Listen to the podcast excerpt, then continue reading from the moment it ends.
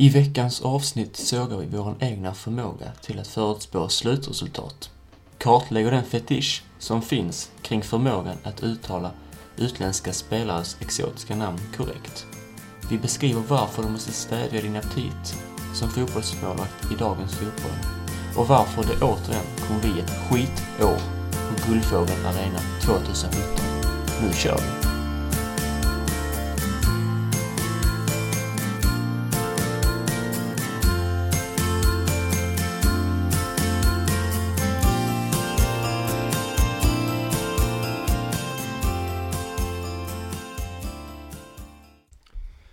Varmt välkommen till veckans podcast. Idag gästas jag som alltid utav min gode vän Oskar Bok. Varmt välkommen Oskar. Mm, Tack, tack. Hur är läget med dig då? Ja, det, är, det är på bättringsväg kan jag väl säga. Jag har eh, haft influensa nu ett tag så... Ja, men det börjar bli bättre. Det börjar bli bättre. Låter ju härligt. Det var skithärligt, verkligen. Hur länge har du varit sjuk då? Ja, som sagt, ungefär en vecka. Det har varit hemskt alltså. Feber och hela paketet. Du ser lite ovårdad ut. Ja, jag har inte rakat mig på ett tag. Skägget börjar växa ut. Och du då, din vecka? Ja, den började med en riktig rivstart förra söndagen var det när eh, jag fick ett samtal av en, eh, jag tror det var nästan dolt nummer.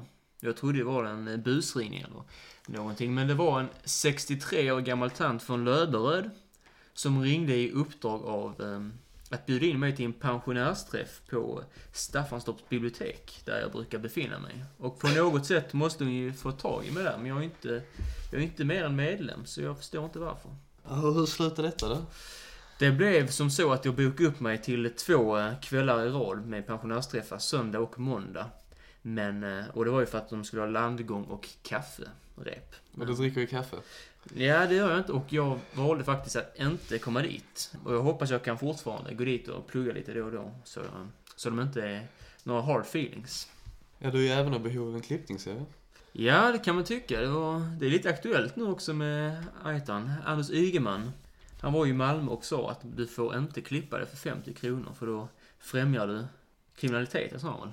Och eh, det är ju tur för mig för jag klippte mig faktiskt för 80 kronor på Ja, det Värnhemstorget Det är ju för lite några bättre. månader sedan. Och jag tror inte, han var så himla trevlig trots språksvårigheterna. Så jag tror att eh, det var en ärans kille tror jag. Vi får se, kanske blir det återigen en klippning där. Men vi behöver väl inte dra längre på den här förödmjukelsen att vi är otroligt dåliga tippare. Ja, det var hemskt faktiskt. Ja, jag syftar ju till eh, förra avsnittet där vi sa att PSG stod fullständigt utan chans emot Barcelona. Och du sa väl, vad var du som Zlatan, att Ja, om de inte hade en chans med Zlatan så har de ju knappast det utan. Och Ja, eh, det och- visade sig vara helt fel. Den här Champions League-mysteriet kring Zlatan fortsätter ju. Även om de bara är i en åttondelsfinal så spräckte de ju Barcelona fullständigt med Ja. 4-0. Ja, det var galet. Det kunde ju blivit fler mål kan man ju säga också. Ja. Det var riktigt bra. Vi fick ändå rätt på rätt många andra matcher. Men det var, de, de andra var ju rätt så här lätta. Rätt lätta, ja, men... eh, Ja, jag har aldrig vunnit på Stryktipset eller någonting så att, Men jag har ändå känslan att jag är en bra, tippare, men... Den eh, blev ju omkullkastad, den uppfattningen. Förra tisdagen. Ja, det blev den verkligen. Du, du är inne på något nytt nu. Du har ju börjat snacka lite om Juventus har jag Ja, jag har, jag har kollat runt på lite bettingsajter och Juventus som är en ikon och är ja, de är alltid bra. De har ju inlett nu mot Porto, slog de med 2-0 på bortaplan. Och det är till 15 gånger pengarna är det att de tar en CL-titel. Och det tycker du verkar vara bra odds eller? Tänk dig själv att lägga en tusenlapp på det där och få 15 000 ut när Bayern München är fem gånger pengarna. Det är ju nästan samma kvalitet på lagen. Det är det ju inte, men okej. Lägg nu en tusing där och... Ja, men jag tror det är en dark horse som har en ruskigt bra chans faktiskt. Men annars, eh, du som Arsenal-fan, hur mår du efter så en vecka efter krossen i München? Ja, man har ju återhämtat sig lite, men... eh, Är det därför dagen du blev sjuk, var det. Det kan vara Är det därför. Det som var hemskt alltså.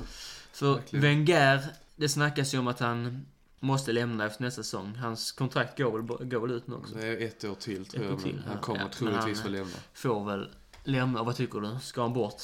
Ja, han har, han har fått så många chanser nu. Det är, man behöver ju vinna de stora titlarna, inte bara FA-cupen. Och här kring Champions League, hur mycket har du sett egentligen de här två senaste veckorna? Jag har sett en match per dag i alla fall. Man kan ju inte se två samtidigt så... Nej, Jag- Nej men jag tycker, jag blir väldigt trött på det hela för att nu jublar folk att Barcelona får stryk av PSG. Precis som att det är någon ny kraft som liksom kommer in. Men är det roligare att ha PSG som är... Hela deras kapital består av olja? Är det roligt att de dominerar en Barcelona som faktiskt är en talangfabrik? Ja, Det tror jag, men det säger man ju mest. Det har inte riktigt med pengar att göra det, utan det är att Barcelona har varit på topp i så många år nu så att folk tycker att det är lite roligt att se dem, eh, ja, tryckas ner från pedestalen. Vad tycker du om som CL-studion? Ja, Jag tycker den håller rätt, eh, rätt hög nivå, får jag Ja. säga. Den är Det var ju Kul att första Lasse gången, Lagerbäck där. ja, för första gången den här veckan de någonsin möttes i en studio. Glenn Glenn- Strömberg och Lars ja. Lagerbäck. Vem vann den kampen? Ja, La- Lars hade ju rätt för han. De båda tippade lite på resultaten och Lars Lagerbäck hade ju rätt. Jo, för något som slår mig när jag sitter och kollar på Champions League-studion är ju att Alltså det har blivit en tävling att vara exotisk numera som eh, expertkommentator. Att du ska kunna uttala alla utländska fotbollsspelares namn med deras riktiga uttal. Ja. Och det funkar inte. Ja, det har jag också märkt. Ja, det blev ju som tydligast eh, i VM 2014 där eh, James Rodriguez då hette James Rodriguez, då man inte riktigt hade koll på vem han var. Och sen eh, då när han, nu när han har vuxit till sig lite och blivit en storspelare och helt plötsligt har bytt namn till James Rodriguez i Det är- de här Det är studierna. nästan som den Hamas-låten, Hamas Rodriguez nästan till. Ja, eh, lite. Nej, men, men det är inte alla som är med på det här.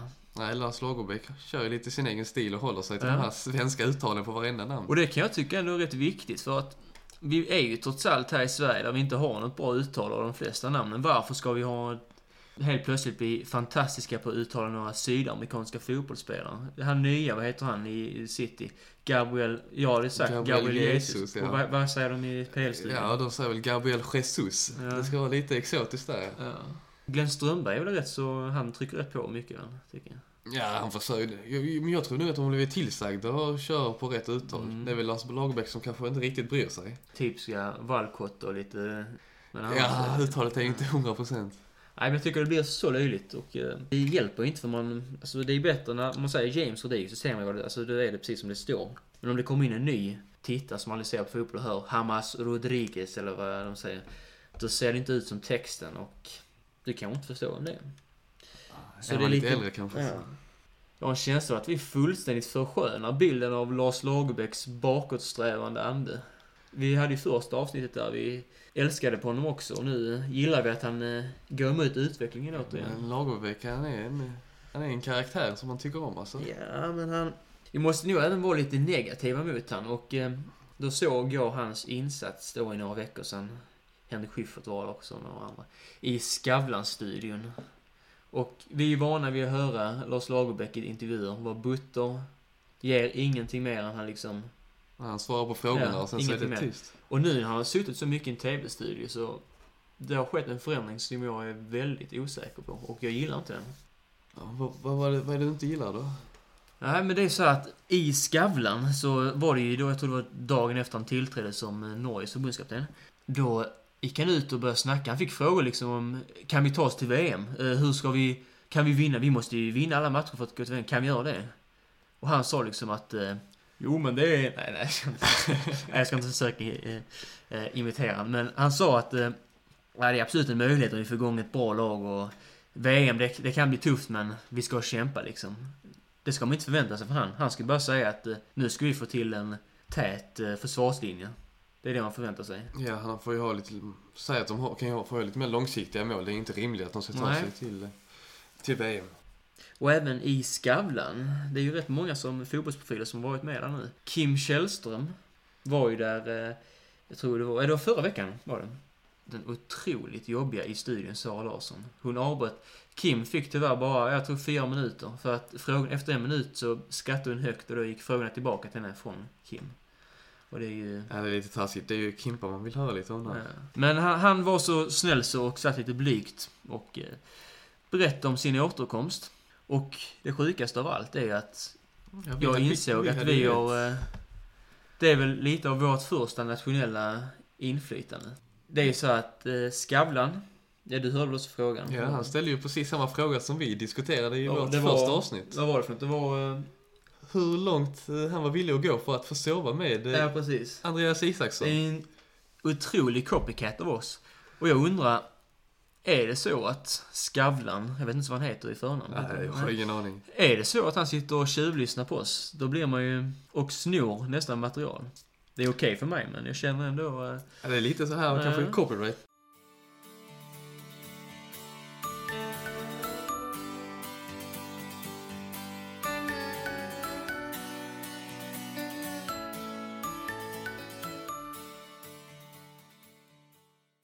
Det är ju rätt aktuellt med sporten längdskidåkning nu. VM drog igång igår i eh, finska Lattis. Kanske Lahtis om man sitter i CL-studion uttalas det. Men eh, min nya hobby har blivit att på Facebook sitta och eh, kolla på när till exempel SVT Sport och Expressen och sådär lägger upp status om skidåkning. Hur kommer det sig då? Jo, men det är ju så här att de som kollar på längdskidåkning är ju huvudsakligen riktiga, alltså ointresserade, alltså de kan ju knappt om sport. För jag ser, de kommentarerna som kommer där är till exempel Stina Nilssons eh, uppladdning inför Tour de Ski, var det innan Tour de Ski. Vet du vad den bestod utav? Nej, det har jag ingen aning om. Eh, den bestod utav, hon hade kollat på Bingolotto med familjen.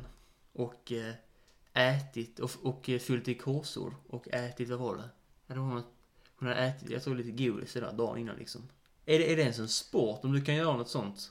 Ja, det, det är ju lite pinsamt för mig att säga. Själv kollar jag ju inte ens på skidor längre. Jag tycker det är så jävla tråkigt. Ja, det är då vinterstudion och folk kan tycka att vadå, det är, det är väl inte konstigt. Men sen, när jag sitter och läser de här kommentarerna på Facebook, så läser jag dem liksom en Gunde Svan-dialekt i mitt huvud hela tiden. Så det låter bara dummare och dummare. Och det blir liksom, varenda kommentar är, så fort en, en norrman vinner, alla de har astmamedicin. Ja men för, alltså, Ja. Höj nivån. Och det, det är folk som inte kan någonting och därför blir jag förbannad när jag ser att det får så mycket tid i TV som det ändå får.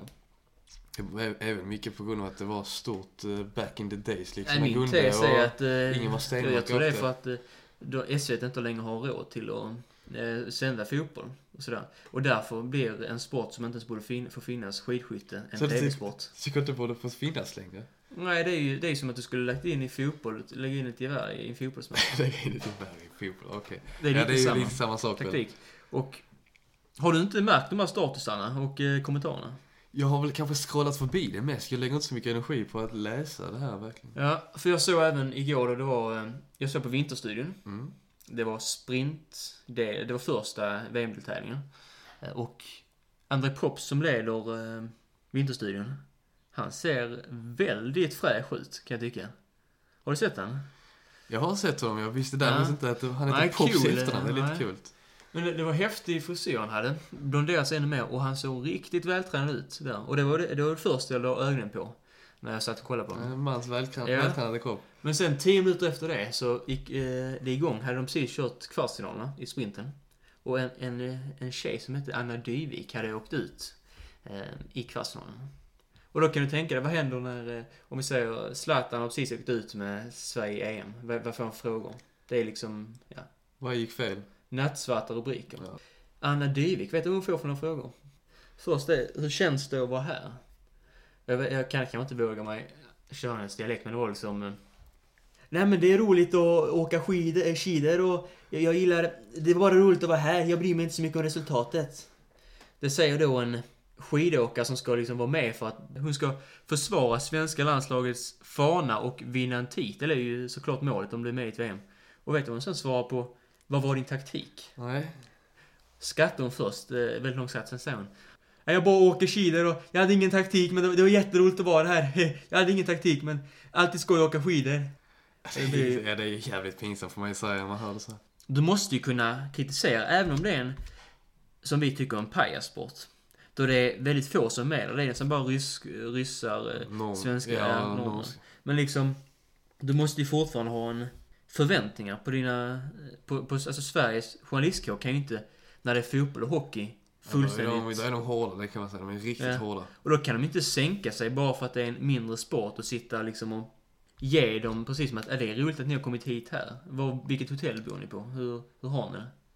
Det kan, jag, jag har sån teori att det kan bero på att de här är väl... eh, De tjänar ju inte samma summa pengar när de gör det här. De här hockey och fotbollsspelare tjänar ju miljoner Det sjuka är att de får ju fortfarande samma uppmärksamhet av svenska folket. Ja, en gång Lika om mycket tv-tid. Och du ser på Idrottsgalan.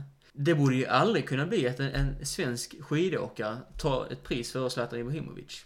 Ja, det- jag det- kanske det är färgad av, av att jag gillar fotboll mer, men det han har gjort i, vad är det nu, 17 år eller vad det är. Man ska kanske inte älska han för mycket, det blir kanske löjligt, men man måste ändå se på det med att... Nej, det håller inte. Spe- Speciellt när det är en skidåkare som tar priset, får man ju säga. Och att de då får, nu, nu så, hur de sa, eh, att Stina Nilsson, hon skulle, om hon hade vunnit, hon var ju medaljhopp igår. Mm. Folk gick ut och sa hon kommer vinna, det är härligt. Hon kommer vinna, gick de ut och skrev. Men efteråt var det inga, eh, det var bara, åh vilken otur hon hade. När hon åkte rakt in i en ryska. Och folk skrev att, hon ryskan borde aldrig få vara med för hon har dopat sig. Ja, så, men så är väl skidåkningen det är inte... Jo, man måste ju vara ändå är kritisk tycker jag. Och det är... Ja, man, man kan ju lite jämföra det med när, när Granqvist halkade i EM. Då Ja, det är precis. jävla skriverier om Det blir skriverier. Och det är liksom, och han, är- han, där visste man, han är sämre än italienska fotbollsspelare. Men ändå blir det ett sånt jäkla rabalder när Sverige åker ut med ett bättre lag. Man måste hålla förvänt, ha förväntningar på allihopa tycker jag. Ja, det, det kan jag faktiskt hålla med om. Vi beskyller ju inte André Pops, det gör vi inte. För jag gillar honom. Det är härligt att till skillnad från Patrik Ekwall faktiskt håller sig i form när han närmar sig nästan 50-årsåldern. Eller hur? Ja, ja, han är ju solklart bättre än Patrik Ekwall, det får man ju tycka. Ja, men om du jämför dem eh, på en tavla liksom och ser deras spegelbilder. Då har han ju hållit sig betydligt yngre än Patrik Ekwall. Och det är, ja, så är det. Ja, och på, på tal om dålig journalistik måste jag ju nämna att jag, jag bläddrade lite mellan kanalerna och råkade hamna på det här, eh, var det rally-SM eller Svenska VM? rallyt, Svenska svenska rally, det var rally. någon sån här trams. Och reportern här var ju två lite runda äldre män som stod och hoppade och high-fivade varandra. Vadå, när de, vad var de skulle göra när... Ja, men- var kameran på dem? eller? Ja, kameran var ju på dem och de, de var tramsade runt mest verkade. Det var inte alls Vad seriöst. skulle de uträtta? Skulle de säga någonting eller? Ja, de måste ju i alla fall kommentera vad, vad, vad det är som händer och de så där och hoppar och fivade Kan du lite tänka dig i en, en fotbollsstudio, de skulle stå och hoppa liksom, det finns ju inte. Det, det är nog med det kanske, man måste acceptera att det är mindre sporter och... Ja, det är inte så många som kollar på det. Nej. Det kan ju vara att de, alla som kollar vet ju vem de Ja. där två Kanske snubbarna ser är. det som inre humor. Men från dålig journalistik ska vi gå till något betydligt roligare. Den händelse som hela fotbollsvärlden talar om. Wayne Shaw. Ja, Vem är detta? Ja, det är den här målvakten som spelar för Sutton United, eller ska man säga spelade. Det ryktas om att han faktiskt har fått eh, sparken efter... Ja, inte bara ryktas, det är ju faktiskt... Eh, Har, har ett han fått faktum, sparken? det är ett faktum. Han fick sparken. Och eh, han får man ändå kalla en tjockis. Ja, jag tror gränsen går kanske vid 120 och han väger väl 130 kilo nästan tror jag. Ja, okej, ja, men då är det Vad är det befogat. Eh, vad handlar det här om? Vad hände? Kan du förklara? Kan du guida oss? Ja, det, det börjar ju rätt tidigt alltså. där? Han, det har ju snackats redan om, innan matchen så har man sett bilder på att han faktiskt klippte gräsmattan som de senare skulle spela på och eh, faktiskt dammsugade vid avbytarbänken. Alltså han var ju på tidigt morgonen och jobbade och sen så drog matchen igång. Han var där, satt på bänken och i halvtid då gick han till puben och jag vet inte om han drack öl men han, Ja, det häng, tror jag, han, jag tror hängde där i alla fall med supportrarna och hade lite roligt. Drog match, sen drog matchen igång Och igen. den avgörande händelsen som har fått alla att röra på sina läppar. Ja, 80 minuten satt de ligger under och då bestämmer han sig för att, eh, att ta en paj. Jag har ingen aning var han fick tag på den från men helt plötsligt stod han där med en paj och glufsade i sig. Ja, och eh, jag har läst på Sportbladet. Patrik Bränning har suttit och, han, han gjorde en liten artikel. Gick ut till försvar till då eh, Wayne att han liknar även Wayne Rooney lite kan jag tycka, fast lite större. lite större version får man säga. Patrik Bränning gick ut och skrev att eh, det här är det cyniska med eh, världsfotbollen idag. Att han, eh, en kille som gör det han älskar, numera eh, får det tagen ifrån sig. Killen är ju för fan, han väger 130 kilo, Ja, 45 år. 45 år, andra målvakt. Det där att han har klippt gräset innan, det, han brukar inte göra det, det är bara för att han ska få upp sin image innan matchen. Tror jag i alla fall. Ja, det är, han vet ju att kamerorna är där och att det kommer skrivas om det. Vem skulle annars ta en foto av han han åker runt och liksom kritar linjer sådär känns ju. Lite ju. Ja, men eh, han har ju försökt mjölka ut här för att han är 45 år, du ska inte stå i mål när du är 45 år. Nej, han har ju haft lite flyt man säga. Jag, jag vet inte hur han brukar stå i, li- vanligtvis i Jag ligan. tror, Han jag, jag, jag tror det är en, lag. en liten halvmaterial. här. Men han har ju gjort det här nu för att han ska komma ut till en bredare publik och han är ju världskändis. Ja, Och det här kan han ju honom. få vidare på. Men om vi då kommer tillbaka till den artikeln som Bränning skrev. Det var då om att, att man sparkar honom är fullständigt liksom... eh, Det, det är heartbreaking. Det, alltså det ska inte få hända idag. Det, det visar att den engelska ligan är, inte är charmig längre. Killen går ju till en pub i halvtid. Ja, det är ju att gå över gränsen, det måste, måste man ju säga. Det Du, bara kan, det ska man ju få du, sparken du kanske för. kan göra det om du åker skidor, det är en annan sak. Ja, det är ingen skämsport. Ja, men däremot, eh, Eller då hade ju tidningarna, så det, då hade tidningarna reagerat annorlunda. Ja, då hade tidningar reagerat annorlunda kan vi Ja. konstatera. Men när han går till och dricker, jag tror han dricker en bira i halvtid. Sätter sig på bänken och sen käkar en paj. För, och det snackas om att det är något, eh, och det är ju olagligt till och med, att det är någon spelbolag som har gett han det, eller någon, sån, någon har gett han det. För det fanns ju, du kunde ju tippa på det. Åtta gånger pengarna, att han skulle käka en paj i matchen. Kunde man Det är det? därför han, eh, därför han gjorde det. Så eh, det är kanske någon som har tippat 1000 på det och sen bara slängt ner en paj till honom. Och så har han dragit, i sig den. Det skulle inte Åt förvåna upp, mig. åt han upp hela pajen? Det är jag inte säker på, men det skulle inte förvåna För mig. Det gjorde han säkert. ja. Eh, Det är ju de spelföretagens egna fel att de gör ett sånt bett. Även om jag tycker det är rätt så bra. Kanske det kunnat vara en ny idé på... Gånger pengarna kan Lars. Lagerbäck kanske diskuterar vem kommer han liksom uttala på vilket sätt den här dagen och att man ger lite pengar på det. Det hade varit något. Balkott eller? Balkott, ja. Nej. Jo, Wayne Shaw har ju även hyllats för sin normbrytande kropp, som de säger. Och Det är ju nästan ännu mer patetiskt än att man ska tycka synd om honom. normbrytande kropp är det ju verkligen inte. Han är ju Det, för fan det, tjock räcker, alltså. det räcker ju att du äter upp det, går till en fotbollsplan så har du i det här samhället en normbrytande kropp. Det, ja, Alltså får man säga att eh, någon som verkligen hade och verkligen gjorde impact på fotboll var ju den här, var bra, brasilianaren Ronaldo. det var ju annorlunda. Han var ju liksom, han var ju en duktig fotbollsspelare. Ska vi kalla det Wayne. Shaw, the, the white Ronaldo? Det var, det är, Eller the fat? Det- det, ja, det the hade ultra- varit, det hade The varit helt... fat one. Eh, För man säger ju the fat one om han är Ronaldo, så kan man säga the fat one Wayne. Även om Wayne Rooney också har börjat gå upp i vikt mer och mer. Fast ser ändå rätt så spink ut tycker jag, senaste matcherna. Ja, jag tycker, han är ändå mindre än vad han var innan Ja. tyckte jag. Han var ju värre förr. Mm. Avslutande fakta om eh, målvakten Wayne Shaw. Han var faktiskt akademilirare. Han, I sin akademi lirade han tillsammans med Alan Shearer. Däremot, de lirade i samma akademilag och de var anfallspartners. Det gick ju, Alan Shearer blev um, Premier Leagues bästa målskytt och eh, Wayne Shaw blev... Inte ens en Premier League-målvakt. Han blev ju trots allt känd och han blev en halvdassig målvakt. Men frågan är, vad är störst värde? Vem tror du njuter mest av sitt liv egentligen? Är, det häftigast att vara som Alan Shearer och ha, ha slagit rekord men nu var nästan bortglömd? Eller som Wayne Shaw faktiskt ät, har ätit gott hela sitt liv och ändå får ha fortsatt kändisskap, eller får sitt Fortsatt kändisskap. känd, när jag- får det ju nu när Får sitt Shearer har haft sitt. När du är 45. Vad hade du helst? Vilken situation hade du helst varit i? Ja, personligen så hade jag varit i Alan Shearer, så han är ju en Har det? legend. Jag tror många mål jag som tror, jag helst. tror alltså. även att Wayne Shaw faktiskt kommer få en plats i All-Star. Så du tror inte att han är bortglömd om två månader? Det kan han vara, men om han tar... Han fick ju en erbjudande av eh, pajleverantör att han skulle bli deras eh, testare.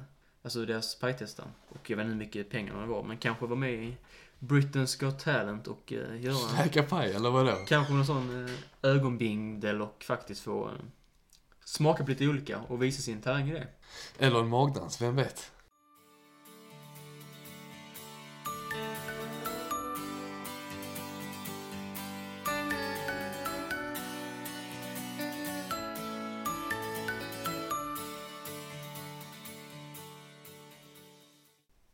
Då är vi framme vid veckans avsnitts avslutande del, som är rätt så småtrevlig. Där vi sätter etikett på veckans olika händelser. Först och främst har jag kritat ner veckans klartecken. Vem är det? Jo, det blir ju Wayne Rooney som eh, blev klar att, det, det blev klart nu i veckan att han kommer att stanna i Manchester United resten av säsongen i alla fall. Mm, det har varit spekulationer, vilda spekulationer om att han skulle bli världens mest betalda i Kina. Och jag tror fortfarande det kommer hända, eh, i alla fall i sommar. Och eh, han gick ut igår och sa att han kommer att stanna. Men bara dagen innan gick Mourinho ut och sa att jag vet inte vad som händer med situationen kring Rooney. Han är ju inte önskvärd i Mourinhos lagbygge. Nej, men det beror ju- han har ju spelat, man måste ju säga att han har ju inte spelat upp till nivån den senaste tiden. Slått massa felpassningar och så. Kan man ge han stämpeln världens äldsta 31-åring?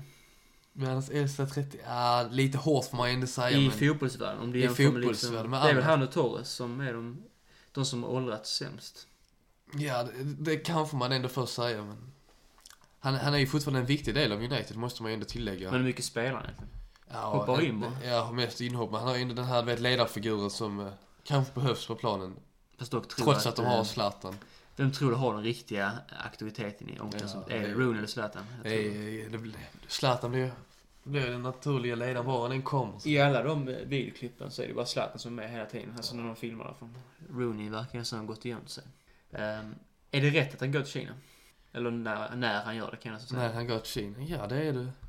Det han, han, han går dit så kommer han spelar där en säsong och drar in en jävla massa pengar, sen så lägger han väl ner. Jag tycker det är helt rätt. Ja. Han har inte, han har inte kommit längre på den här nivån som Premier League faktiskt är på. Ja, det är väl kul att tjäna, dra in lite pengar det sista året. För att knyta ihop lite saker från förra avsnittet återigen. Så är det ju, snackade vi mycket om Leicester Citys problem och Mm. Claudio Ranieris svåra situation och vad de skulle ta sig till. Ja, det gjorde vi. Du kom fram till... Mm, Jag tyckte ju att han skulle få stanna resten av säsongen och Mm. få full, fullföra jobbet, men... Och de trodde du skulle klara det. Mm. ja, jag trodde de skulle För klara nu har vi då veckans spark. Och det innefattar ju tyvärr Claudio Ranieri. Igår kom ju beskedet att uh, Ranieri får avgå. Det var, jag personligen tycker att det är... är Och det var inte ens några, hemskt, det var alltså. inte ens några tack från Leicester på deras Facebook-sida. Det var bara we the, eller så, vi går skilda vägar. Inte ett tack till människan som gör någonting som ingen annan någonsin kommer göra, vågar jag säga. Nej, Jag tycker att det är rätt pinsamt. Förra året var ju målet att stanna kvar. Och så Mm. vinner han ligan och nu när han försöker, försöker kämpa för att de ska stanna kvar där Leicester egentligen ska vara. Så, ja, då får han sparken. Ja. Jag har inte tillräckligt bra jobb längre. Leicester City blev ju efter förra året nästan hela världens kelgrisar. Mm. Wardy och Mar och sådär. Vad är de nu? Ja, nu, alltså, jag, man, jag tycker inte man kan skylla på Ranieri. Jag tycker att varenda spelare i hela Leicester har ju Jag underpresterat. menar hur, eh, hur förändras eh, allmänna publikens bild av laget när de gör en sån här sak och visar att de är exakt som alla andra giriga klubbar. Ja, det, den blir inte bra. Alltså de här ägarnas image har ju försämrats. Alltså den var ju jättehög innan. Där de visade kärlek till Ranieri och de gav, alla spelare fick ju en eh, helt ny BMW när de vann ligan. Och nu har de typ sparkat den största klubbikonen genom tiderna. Tycker Vad hoppas du nu då? Ja. Nu hoppas jag verkligen att uh, Leicester åker ut. De förlorar alla resterande matcher och uh, får smaka på sin egen medicin. Så kul det är. Ligga där de ska vara. Vi får ju även ha ett inslag utav allsvensk fotboll i veckans avsnitt. Och glädjande för alla fotbollsälskare i Sverige kan jag tycka, har det hänt något fantastiskt. Och därför ska vi nu presentera veckans värvning. Vem är det?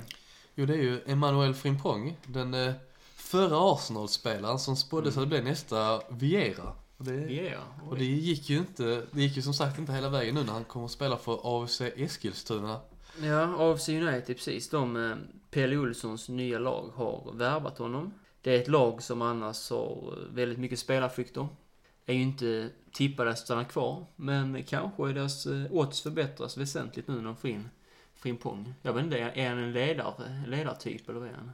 Jag tror mest att han, han, han är den här roliga killen. Jag har, inte, jag har aldrig Mm. personligen aldrig sett honom som en ledare. Han är lite den här lite roliga. Han är Mm. lite mer så han är en sån kämpe och tar tacklingar och Så en rolig intervju med faktiskt där han, han kanske kan höja allsvenskan på det viset att det blir lite mer eh, humor i det. Ja, i alla fall i sitt eget lag.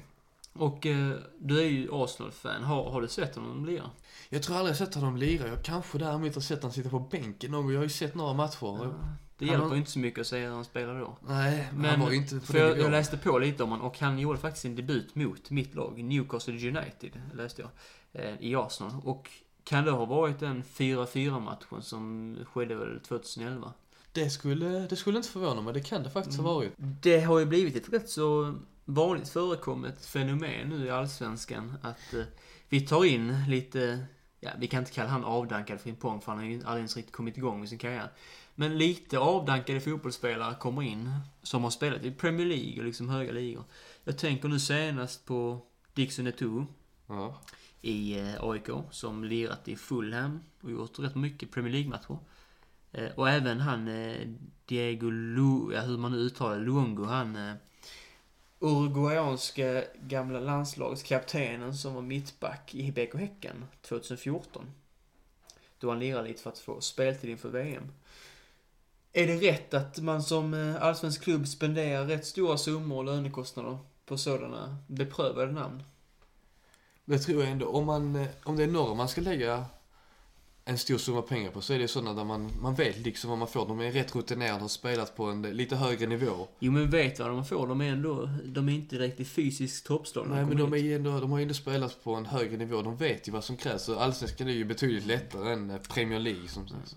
Tror du imagen höjs? Eh, De kan tjäna tillbaka pengarna genom att de får mer medieutrymme när det faktiskt är internationella, jag kan inte säga stjärnor, det vore ju väldigt hemskt att säga att Frimpong är en stjärna, men lite internationella lirare som ändå får, eh, de får kanske lite mer rum i pressen och blir kanske lite mer intäkter. Jag vet inte. Så kan det vara. Frimpong är ju väldigt, han var ju väldigt populär bland eh, Arsenal-supportrarna och eh, ja, jag tror han, han var även rätt populär nu. Han senast spelade i Ryssland så jag tror väl definitivt att fler kan få upp ögonen för allsvenskan och Ja. nu när man hör att han spelar där. Nu har vi kommit fram till den sista händelsen, eller artikeln, vi kommer eh, sätta etikett på i veckans podcast. Och eh, det är nog den som intresserar mig absolut mest. Jag har hållit den på dig så du vet ännu inte vad ämnet är. Nej, jag har inte riktigt koll på det. Är du spänd? Ja, det är jag faktiskt. Har du någon gissning? Nej, jag, jag skulle inte våga mig på en gissning faktiskt. Nej. Och detta kommer att kallas veckans skit. I Dagens Nyheter är rubriken. Jag vill se om du förstår vad den här rubriken betyder. Ännu ett skitår på Guldfågeln Arena 2017. Det är då Kalmar FFs hemmaarena. Ja, Elm har väl skadeproblem skulle jag gissa. Bara det. Ja, förutom det skulle jag inte kunna säga. Truppens situation då? Jag kan faktiskt citera här. I år är det nog värre än någonsin, säger Torbjörn Kraft. Lägg det namnet på minnet, en riktig eldsjö. Där citerar jag inte, men... Eh, som jobbar med att ta bort vinterns skit. Förutom att spola bort bajset med högtryckstvätt har Kraft och hans kollegor ställt fram små lådor som ger ifrån sig smällande ljud som skulle kunna skrämma fåglarna. Efter fjolårets sanering täcktes läktarna med presenningar för att man skulle slippa sanera igen. Om drygt en månad är det dags för allsvensk premiär. Ja, vad är din kommentar på detta? Jag tycker att det där är ett jättekonstigt problem att ha, får man ju ändå säga. Ja, Fågelskit på... de har haft det ända sedan, eh, jag tror den öppnades 2011 eller sånt, men eh, den, de har haft det ända sedan dess. Och det är ett... Det har, Bestående det problem. har blivit ett, ett otroligt problem nu. För att eh, någon eh, eldsjö eller någon eh, elevs, eh, eller, någon eh, supporter hade suttit där inne och kollat. Han sa det att du kunde knappt sitta där för de bara skiter ner dig när du sitter på sin plats liksom. Så det, det är knappt att ha eh, årskort längre. För det är ju, det handlar ju om dina kläder liksom. Du, du vill inte förstöra kläder varenda dag. Hur ska man, man kan inte förflytta arenan liksom. Och, vad är din kommentar om Torbjörn Kraft? Denna underbara eldsjäl. Eller han, han är inte eldsjäl, han, han, det är hans riktiga jobb det här. Och han är alltså, Spola bort han är bajs. skitansvarig på laget. Skitansvarig. Ja. Ja, det är väl grymt. ja, det är ett grymt jobb, det får man säga. Grymt av honom att ställa upp och ta bort skiten. fanns tyvärr ingen bild på honom, men jag kan tänka mig att han har något sånt utseende som verkligen speglar liksom att han kämpar för någonting. En, eh, jag tror han har ett unikt utseende, eller vad tror du? Unikt utseende vet jag inte. Han är säkert en unik karaktär får jag nog säga. Är detta då något jättestort problem? Jo, för då kommer vi till kritan. Och det är att Rasmus Elm, Kalmar FFs, vad ska jag säga, Kalmar FFs Batman kan man kalla honom. Är det en okej liknelse? Ja, det tycker jag. Ja. Han har gått ut och rasat i media. Sagt att det här håller inte längre. Och gräsmattan blir fullständigt nerskiten på vår arena. Vi kan inte... Han, han blir sliten av det. Nu kanske inte det är bara för skiten, det kan vara att själva gräsmattan är dålig kvalitet. Men han har, blir sliten för bara två träningspass. Ja, det kanske inte är så konstigt med, ju med tanke på hans skadehistorik. Då är min fråga. Är detta allsvenskans största ilandsproblem för tillfället? Bajs på planen menar du? Mm. Ja, det tror jag nog. Det är väl inget som ska utmana detta. Det är väl ett, det är ett tramsigt problem att ha. Är det något som kan utveckla liksom... Jag kan tänka- om kanske Svenska fotbollsförbundet ska sätta upp någon liksom grundregler om det här så man kanske kan förebygga det på andra arenor. För tänk om det skulle hända på alla arenor, då blir det ju tufft för oss. Har jag Är aldrig sett bajs på Swedbank Stadion? Nej, Jag har varit där några gånger. Jag har Ja. aldrig sett. Men nu är det trots allt ett konkret problem och eh, om vi ska ta det lite allvarligt. Vilken metod tror du eh, är mest lönsam? Då tänker jag antingen att man ska spola bort det med eh, högtryckstvätt eller eh, att ställa, eller att Torbjörn och hans kollegor ställer fram små lådor som ger ifrån sig smällande ljud som ska skrämma fåglarna. Vilket är bäst? Jag tror att man behöver ju kombinationen av båda. Först och främst måste man ju spola bort det här bajset så att det försvinner. Och sen får man ju då sätta upp de här lådorna med smällande ljud så att det inte uppkommer igen. Så det är mer förebyggande alltså? Ja, precis. Men just nu måste man ju ta bort skiten från planen. Inte spelarna då, utan eh, fågelbajset.